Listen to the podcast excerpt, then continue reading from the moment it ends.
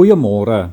Ons staan vir 'n paar oggende stil by die Filippense brief van Paulus. Hier in Filippense 1 vers 27 lees ons ver oggend: Die hoofsaak is dat julle lewenswandel in ooreenstemming met die evangelie van Christus moet wees.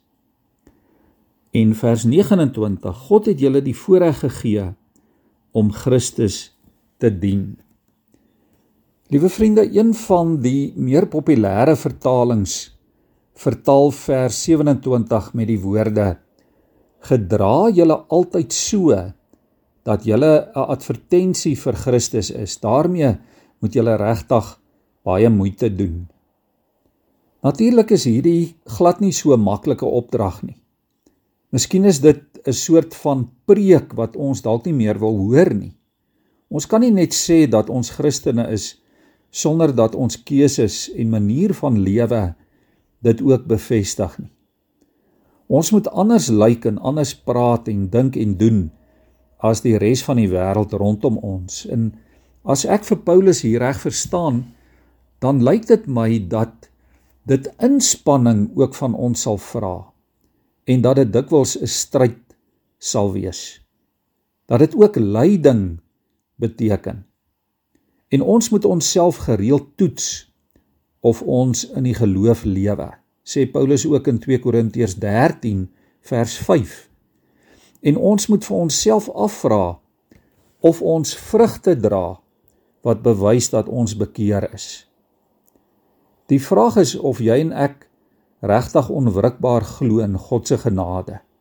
Glo jy vas met jou hele hart dat Jesus vir jou sonde betaal het. Glo jy dit? Glo jy dat jy gered is en dat jy die ewige lewe het of word jy dalk maklik van spoor afgedring deur ongelowiges, deur hulle manier van doen en dink en praat? Begin jy dalk baie keer twyfel aan God se goedheid as dinge rondom jou dalk moeilik gaan? Bevraagteken jy God se bestaan en die waarheid van die woord wanneer sogenaamde geleerdes dit begin betwyfel. As jy en ek met volharding aanhou glo en as jy met moed en hoop jou oop op die Here hou, dan is jy 'n advertensie vir Jesus. As jy met vrede en vreugde in jou hart ten spyte van moeilike omstandighede die Here dien, dan sal die mense rondom jou ook sien dat dat jy iets anders het en hulle sal ook begeer om dit te hê. As jy kan aanhou om die regte dinge te doen, die regte keuses te maak teen sonde en teen 'n leefstyl wat dalk vir die wêreld aanvaarbaar geword het, maar wat teen God se woord en teen sy wet is, dan sal jy uitstaan as 'n ambassadeur, as 'n verteenwoordiger van Christus. Kom ons dink so daaraan, maatskappye vandag reg oor die wêreld doen baie moeite en hulle gaan baie advertensiekostes aan om hulle produkte te bemark en dit bekend te maak.